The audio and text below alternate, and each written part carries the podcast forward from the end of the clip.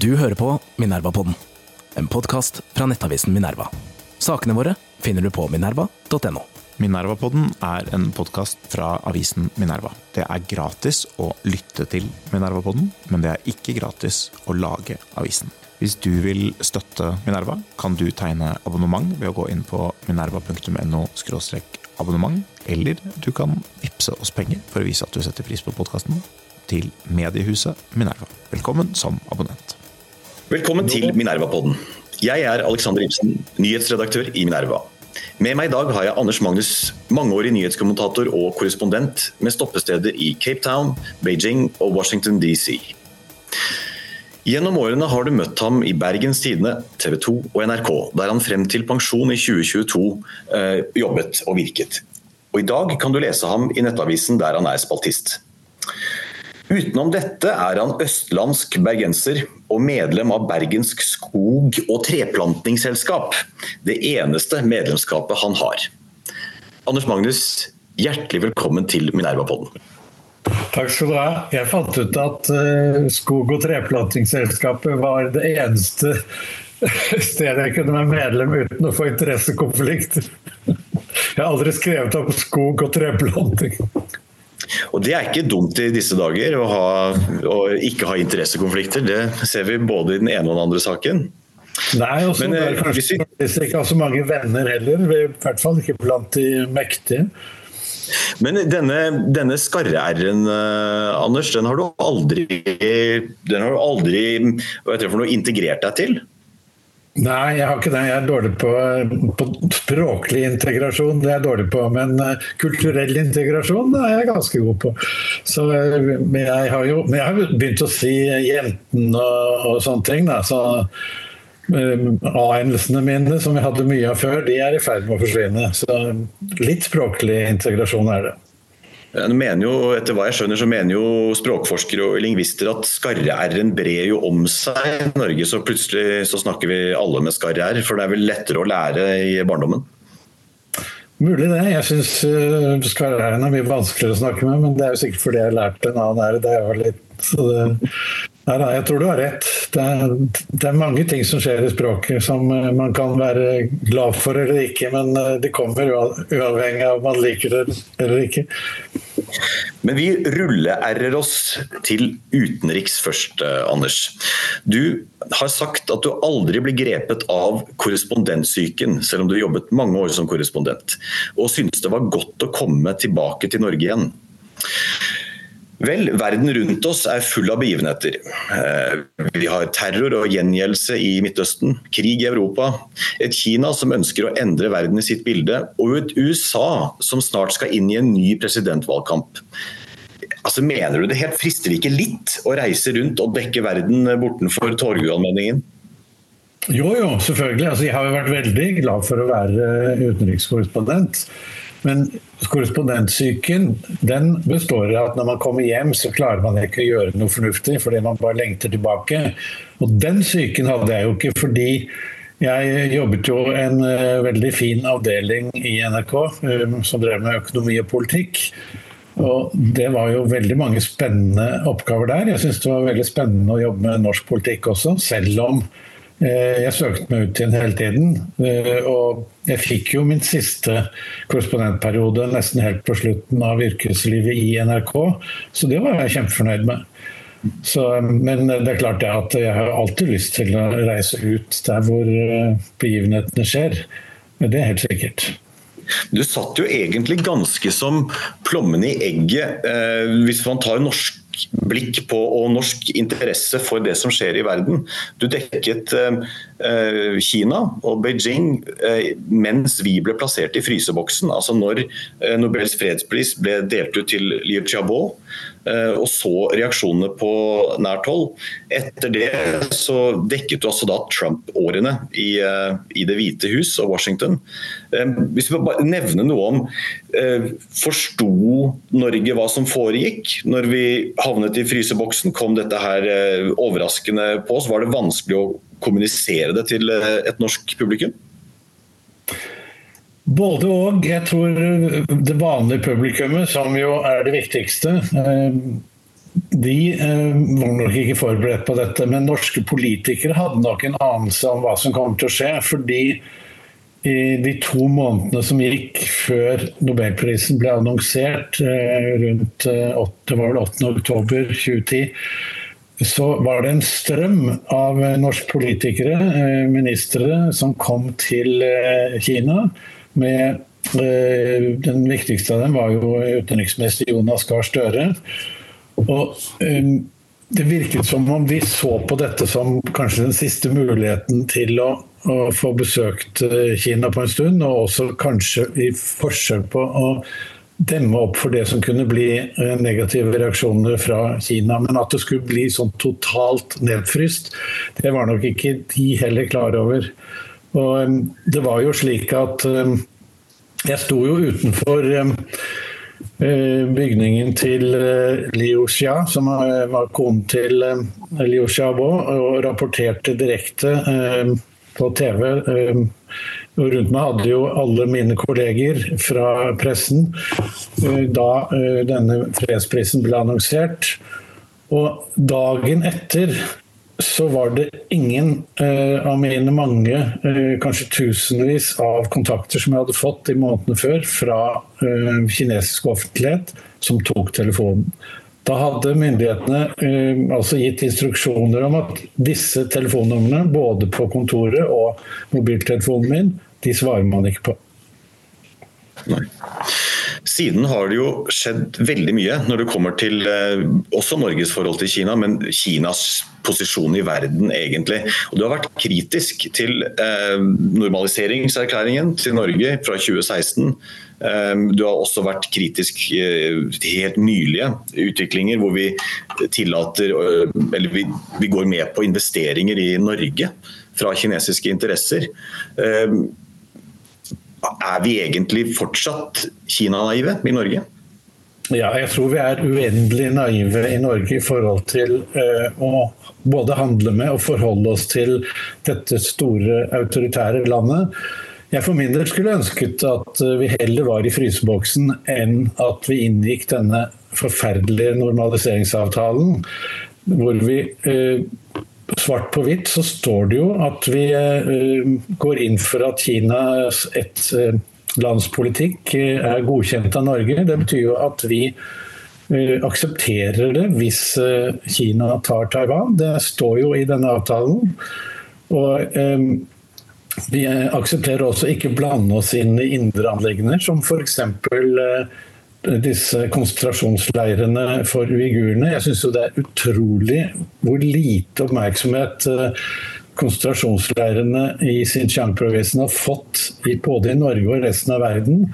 Når vi tenker på eh, hvordan eh, denne minoriteten har blitt behandlet av kineserne, og når vi husker tilbake igjen på eh, historien med konsentrasjonsleirer i Nazi-Tyskland, så, eh, så så er det jo veldig rart at vi handler som før, og kanskje enda mer enn før, med Kina. Og slipper også kinesiske investeringer til i Norge.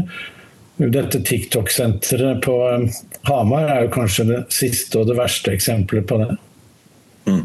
Men vi, det har også vært et globalt stemningsskifte, har det ikke det? Hvis vi tenker på uh, alle uh, protester i Hongkong som ble knust, og hele covid og prosessen og etterspillet der sånn, uh, hvor man egentlig har sett at Kina har holdt tilbake informasjon, har ikke tillatt noen objektiv granskning, og USA snakker åpenlyst om at de ønsker å bryte med avhengigheten av kinesiske leverandørkjeder også tegn til dette i EU. Med, da snakker man kanskje ikke om decoupling direkte, men mer om de-risking.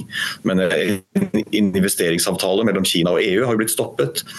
Er det ikke en gradvis oppvåkning på disse spørsmålene? Jo, også? Det er jo det, heldigvis. Og jeg forsøker å bidra så godt jeg kan til den oppvåkningen.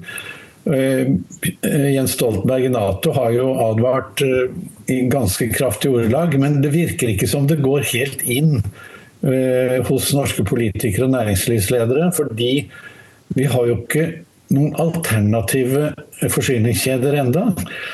Det er jo eh, Vi må jo gjøre mye mer for å eh, minke avhengigheten av Kina. Vi så jo det under covid, hvordan vi ikke engang klarte å få tak i munnbind uten å ha litt sånn spesielle kontakter og forbindelser til noen kinesiske leverandører.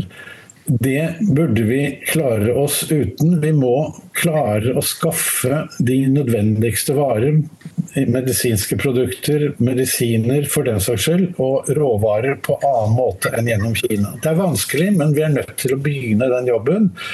Og da kan vi ikke fortsette å se på Kina som en viktig handelspartner. Vi må se på Kina som en handelspartner vi er nødt til å Eh, koble oss fra etter hvert. La oss si at det blir krig om Taiwan. Da kommer store deler av eh, den, de handelsvarene som Norge er helt avhengig av, til å stoppe opp. Og Det blir ikke sånn som når vi boikotter Russland. Det har gått enkelt, fordi vi trengte ikke så mange av de varene som russerne tilbød.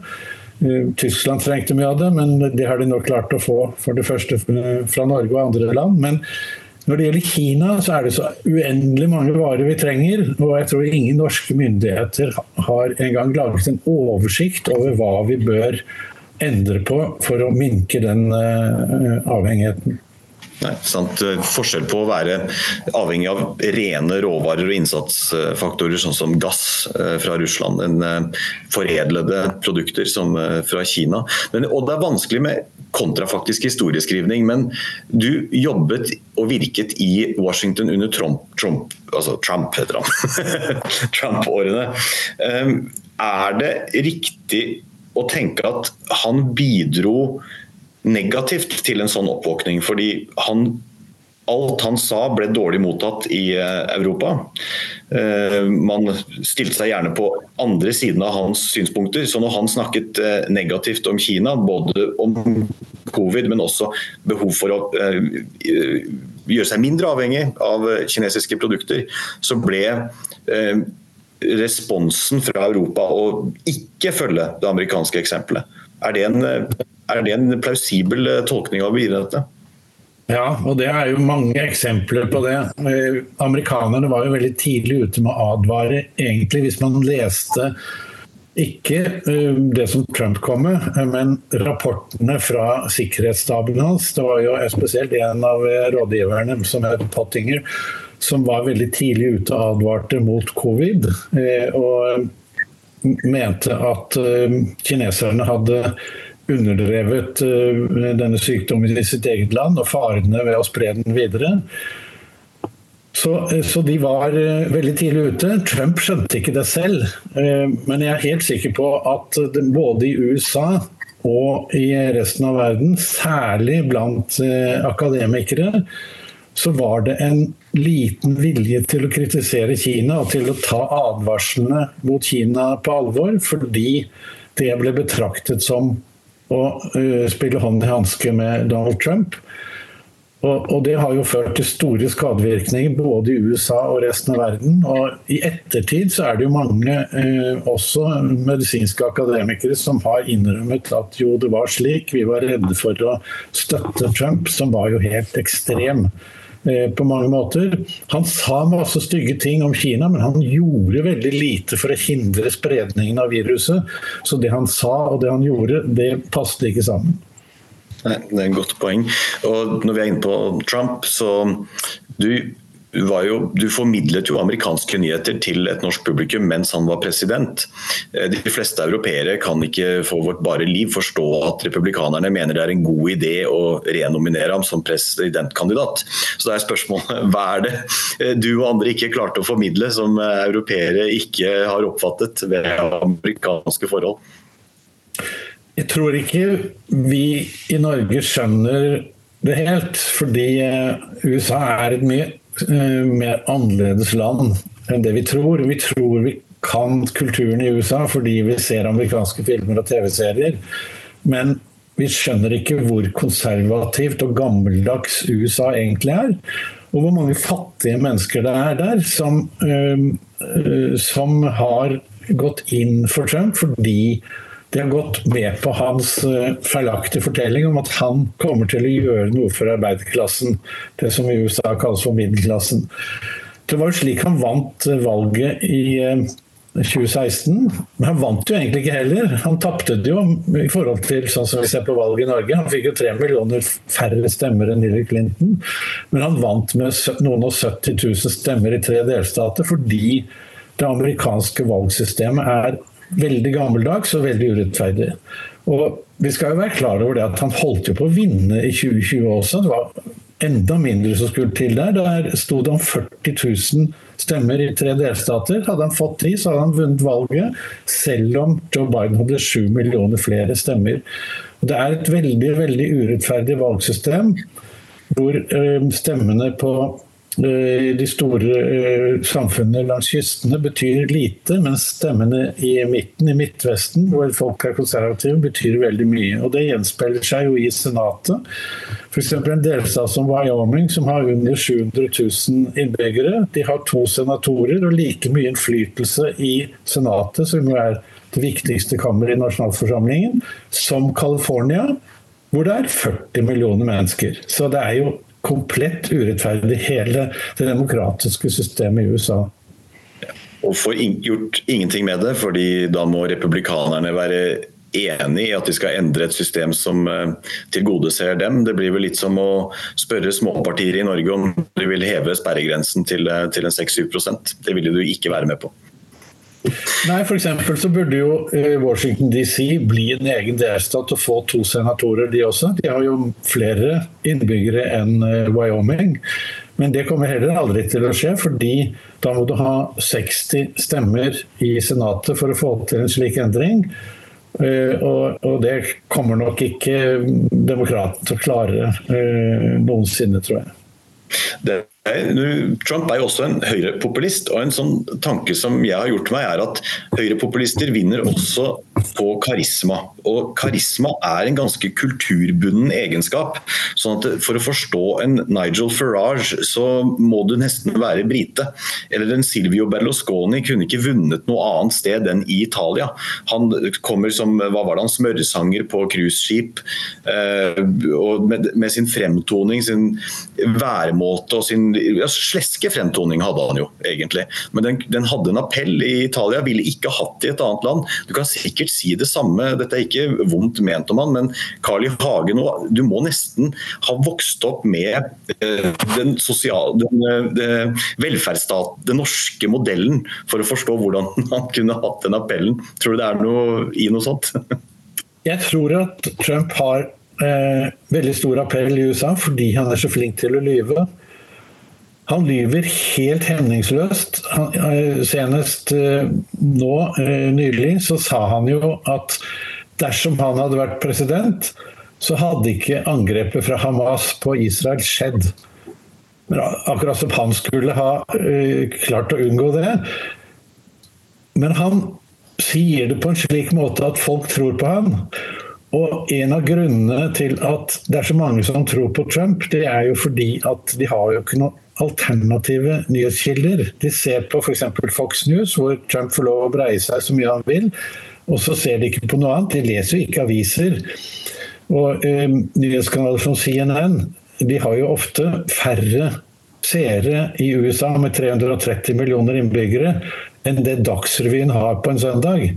Så, så det er jo veldig få amerikanere som er orientert, og spesielt om utenrikspolitiske temaer. Så når Trump sier det at hvis han ble, eh, blir valgt til president igjen, så skal han få slutt på Ukraina-krigen i løpet av 24 timer. Altså, den eneste måten han kan gjøre det på, det er å gi full støtte til Russland. Og stanse alle eh, eh, våpenleveransene til Ukraina.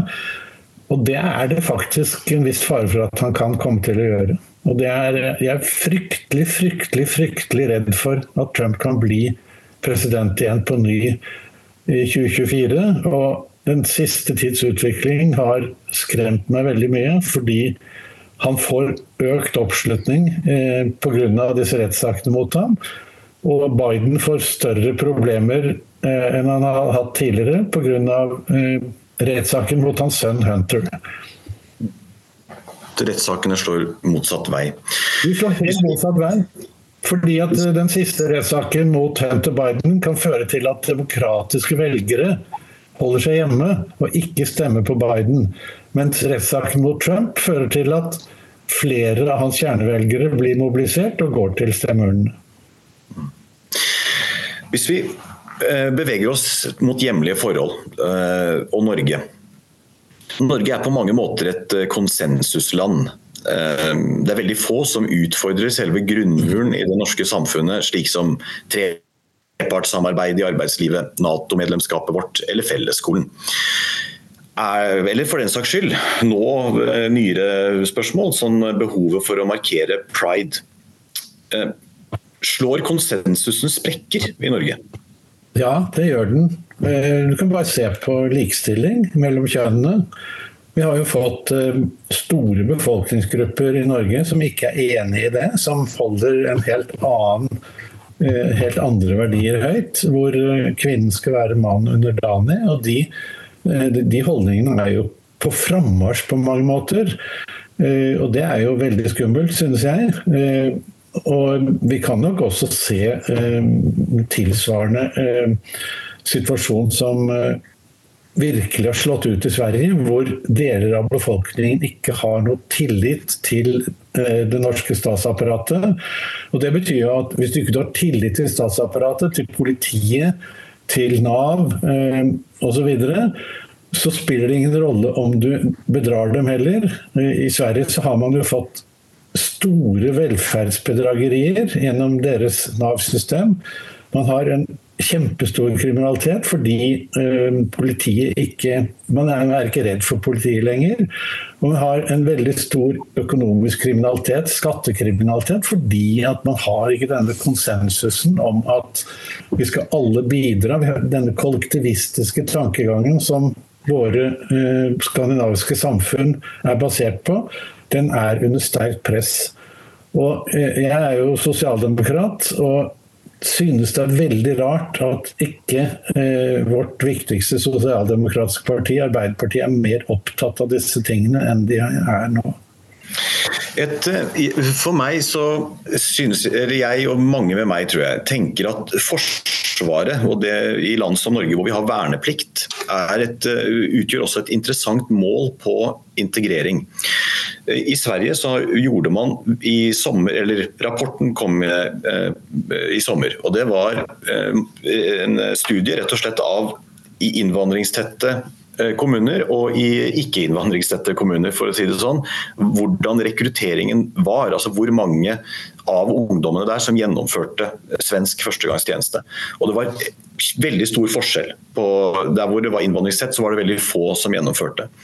Så ble det også gjennomført en spørreundersøkelse eh, i eh, ungdomsbefolkningen, hvor mange av svenske ungdommer som anså det som eh, en god ting å gjennomføre svensk førstegangstjeneste, Eh, og også andre spørsmål, sånn som de så på det å gå i Forsvaret som en eh, som en eh, positiv, karrierefremmende ting å gjennomføre. Veldig stor forskjell igjen altså i da innvandringsungdommens disfavør, kan man si. Vi, Minerva vi forsøkte å få tall fra Vernepliktsverket. på bare, eh, Sist gang man rapporterte, hvor SSB rapporterte tall i Norge fra hvor mange med minoritetsbakgrunn som gjennomførte norsk førstegangstjeneste, var i 2014. Da var tallet 4,5% som var langt lavere enn det det skulle ha vært, hvis, vi, hvis man tenker på hvor stor andel av 18- og 19-åringer som da eh, har minoritetsbakgrunn i Norge. Nå vil ikke Vernepliktsverket lenger gi disse tallene. Eh, det har også kommet, eh, Vi skrev en sak om det, og i etterkant av det så ble det også stilt skriftlige skriftlig spørsmål fra en stortingsrepresentant på, til da, forsvarsministeren om disse tallene kunne bli oppgitt. og Det kunne de heller ikke. Dette var av personvernshensyn. Men der ser vi, Forsvaret er jo ment å forsvare landet, så det er jo egentlig kampkraften og forsvarsevnen som er målet med Forsvaret. Men samtidig så er det jo et uttrykk for integrering og oppslutning omkring eh, landet du bor i. Så dette er jo også en institusjon som vi egentlig burde ha gode tall på. Er du ikke enig i det? Altså det, det, det, en, det ville være et veldig godt mål på hvordan norske ungdommer anser det å for å si, sette på spissen, risikere livet sitt for eh, landet sitt. Jeg synes at eh, det burde være allmenn verneplikt i Norge for absolutt alle. Ikke nødvendigvis for å gå inn i Forsvaret, fordi Forsvaret trenger ikke så mange. Men det burde være en verneplikt for å yte ett års tjeneste til det norske samfunnet. Og Hvis man innførte det, så ville man uh, kunne få mange hender i uh, eldreomsorgen f.eks. Man kunne få mange som kunne gjøre viktig arbeid eh, i samfunnet Samtidig som de lærer seg at det går an å gjøre noe meningsfylt med en gang man er ferdig med skolen.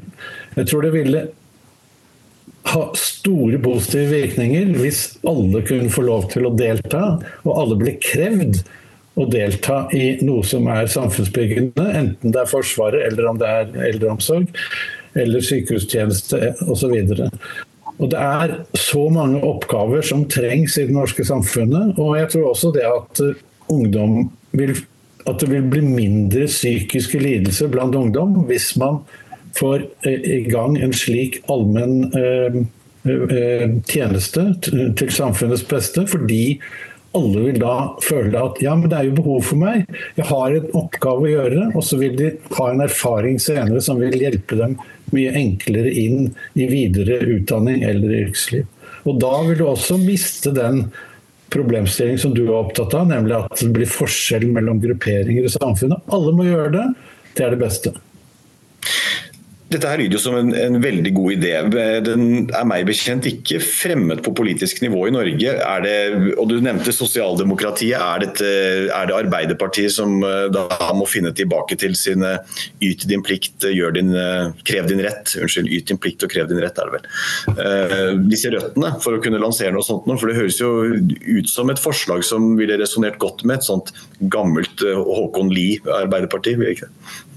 Ja, jeg syns eh, Arbeiderpartiet De kan godt få forslag av meg. Jeg syns det burde være deres ånd å gjøre det. Det er jo, eh, Vi sier jo at i Norge er vi alle sosialdemokrater. Men Arbeiderpartiet må snart begynne å gå foran.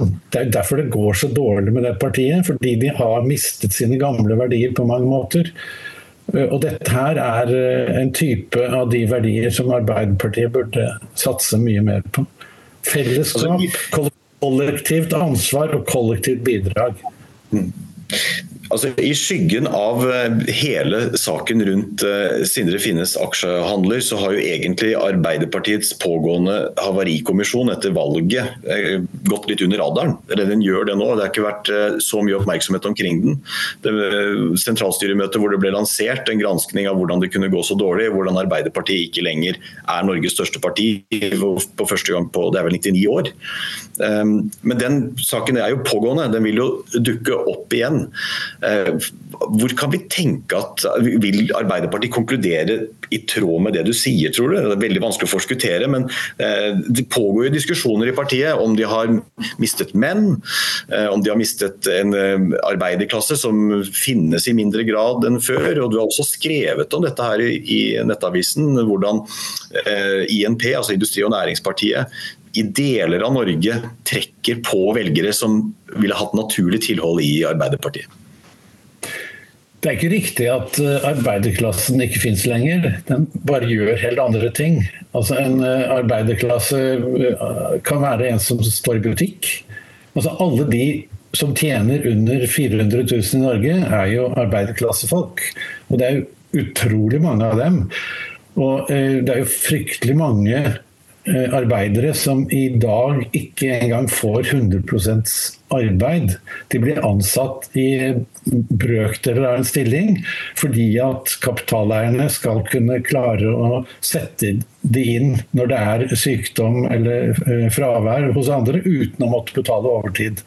Så Det er nokså kynisk mye av det som foregår. og Arbeiderpartiet har, vært, har gjort noe, men de har vært altfor lite opptatt av virkeligheten til denne nedre del av befolkningen. Ikke de aller fattigste, ikke de som går på fattighusa og sånn, som SV er aller mest opptatt av. Arbeiderpartiet burde være opptatt av de som går på jobb, som strever og virkelig gjør en innsats, men som nesten ikke tjener penger, og som i hvert fall ikke klarer å skaffe seg bolig med det, det rentenivået man har eh, i dag. Så, så, her er det mye som Arbeiderpartiet har å ta igjen, hvis de skal klare å rekruttere tilbake eh, de som egentlig naturlig hører hjemme i den sosialdemokratiske folden, men som i dag ikke kjenner seg igjen der, fordi man kanskje i Arbeiderpartiet er mer opptatt av eh, litt perifere ting, som eh, om det skal innføres et tredje kjønn f.eks. Om, om, om lærerne skal få lov til å ha eller om elevene skal få lov til å føle seg krenket på skolen osv. Det er mange ting her som virker helt uforståelig for store deler av velgergruppene som tradisjonelt burde flokket seg rundt Arbeiderpartiet. Så vi, Hvis jeg skjønner deg riktig, så er det ikke det at vi står midt i en høyrebølge. Det er egentlig mer at uh, et stort og dominerende parti gradvis har mistet uh, fotfeste i velgergrupper som da blir litt på vandring, og da går de til partiet på andre siden, Høyre, Frp, INP. Ja, det det tror jeg er helt riktig. Jeg tror det er det samme som skjer i hele den vestlige verden. Det skjer i USA, det skjer i Europa, ser vi, og det skjer i Norge. Ikke fordi eh, de som flytter på seg, nødvendigvis vil ha eh, bedre vilkår for kapitaleierne. Det tror jeg ikke de tenker på i det hele tatt. Men det er veldig mange kulturelle spørsmål, og så er det følelsen av å ikke bli sett og ikke bli tatt vare på. Eh, de, de, disse menneskene vil gjerne være med i den kollektive velferdsstaten, men de føler at de blir ikke tatt skikkelig vare på, sånn som f.eks. middelklassen eller arbeiderklassen i USA. Som mistet jobbene sine når det, skjedde store strukturendringer. De eh, mistet hus og hjem pga. Eh, av eh, bankkrisen i 2008. Og det førte jo til at de stemte på Trump, fordi de ville prøve noe annet. De hadde mistet tilliten til de tradisjonelle politikerne. og Det tror jeg skjer det samme som skjer i Norge i dag.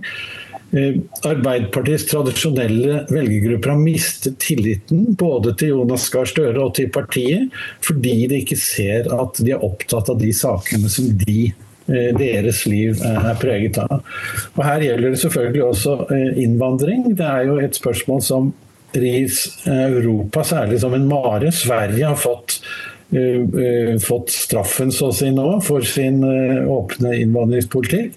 Mens det er ingen i Norge som snakker noe særlig om det. Dette tror jeg er en bekymring hos store deler av den norske arbeiderklassen også. For er det noen som taper på stor innvandring, så er det jo arbeiderklassen. Det ser vi jo f.eks. i USA, hvor eh, alle de som kommer inn over grensen i sør, de tar jobber for to dollar timen og presser lønningene lavt. Og dersom de organiserer seg og prøver å protestere, så sier eh, de som eier bedriftene ja, dere kan gjerne protestere, da er dere sagt opp, og så tar vi inn noen nye som kommer over grensen til to dollar timen. Det kommer hele tiden nye som er villige til å, å jobbe uh, for en veldig liten lønn. Og det er også mange som blir misbrukt, slik vi har sett i uh, stor grad i Sverige. Papirløse innvandrere som blir truet av andre innvandrere til å jobbe eh, med vilkår som er helt uakseptable i det svenske samfunnet. Og Sånne tilfeller, sånn, sånn utvikling, ser vi tendenser til i Norge også.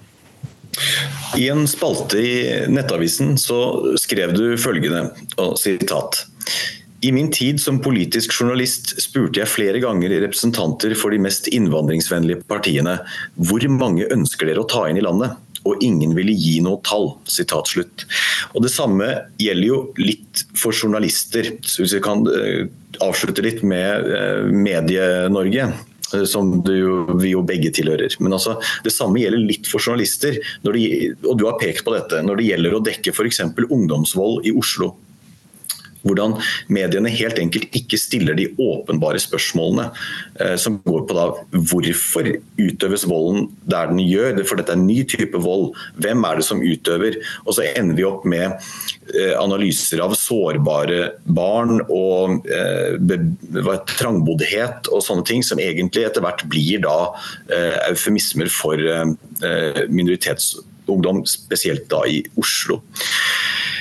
Konsensusen, hvis den slår sprekker på det politiske nivå, ser du tegn til det også i mediene? At det nå tross alt er en større vilje til å dekke eh, forhold sånn som eh, innvandring, betente spørsmål, eh, på en mer sandrulig måte?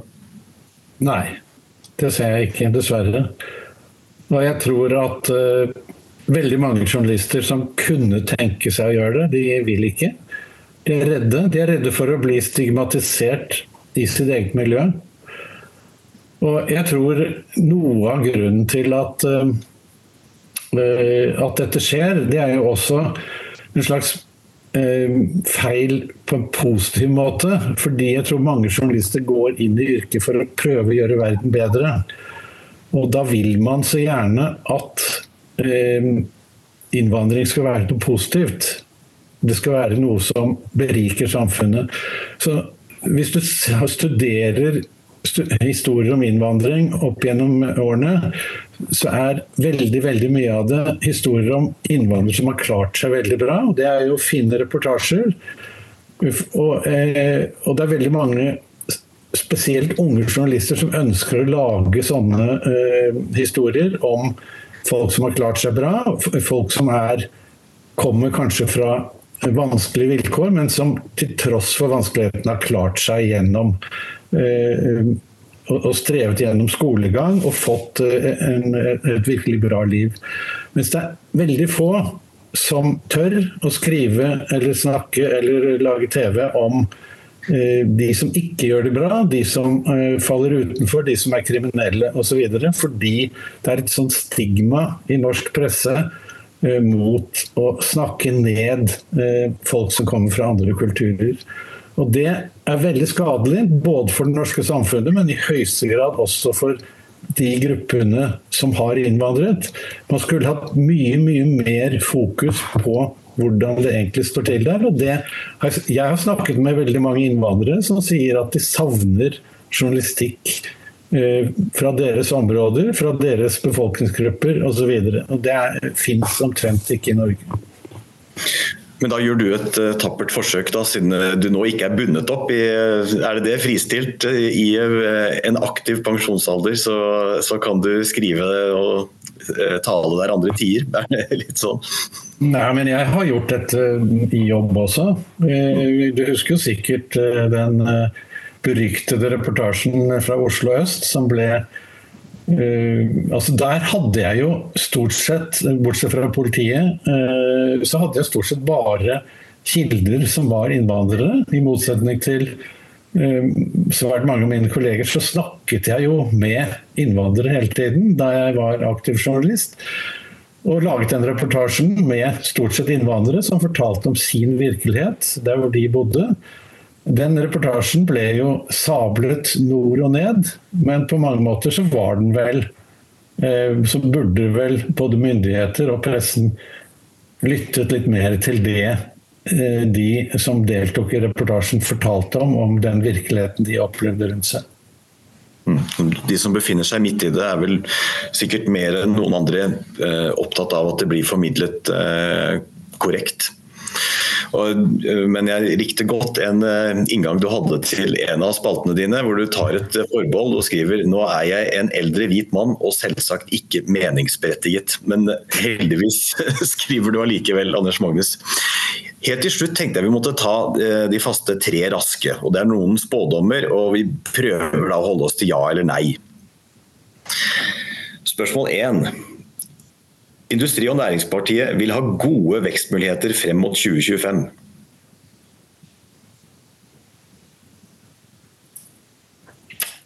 Ja, men kanskje ikke lenger enn det. Riktig. Da, ja. Det, det har en utløpsdato. Spørsmål. Ja, fordi da blir de ansvarliggjort hvis de kommer inn på Stortinget.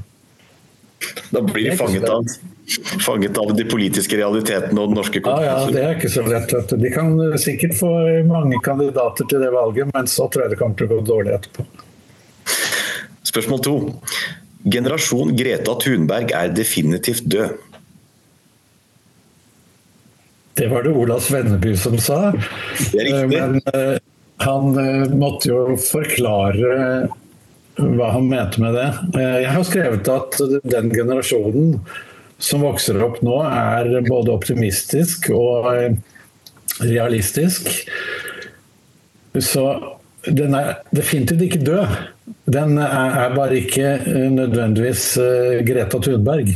Jeg tror det å kalle en generasjon for Greta Thunberg er helt feil, for jeg tror det er ikke så veldig mange på hennes alder og blant ungdom i dag som identifiserer seg med den type eh, eh, engasjement som, eh, som hun står for. Eh, Litt sånn negativisme. eh, og hun har jo også forsvart eh, en autoritær samfunnsholdning. Kritiserer ikke Kina f.eks., som jo er den aller største utslipperen i hele verden. og som Vi, vi kommer jo ikke noen vei med det grønne skiftet og med, med klimamålene uten at Kina bidrar i mye større grad enn nå. Det, det tror jeg veldig mange ungdommer ser og vet. eh, Og synes kanskje at Greta Thunberg ikke er den beste representanten for deres syn.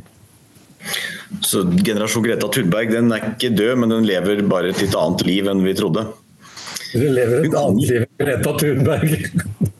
Hun kommer. Hun kommer for øvrig til Norge i morgen, hun. så får vi se da om hun, eh, om hun sier noe, om hun får den dekningen hun har pleid å få.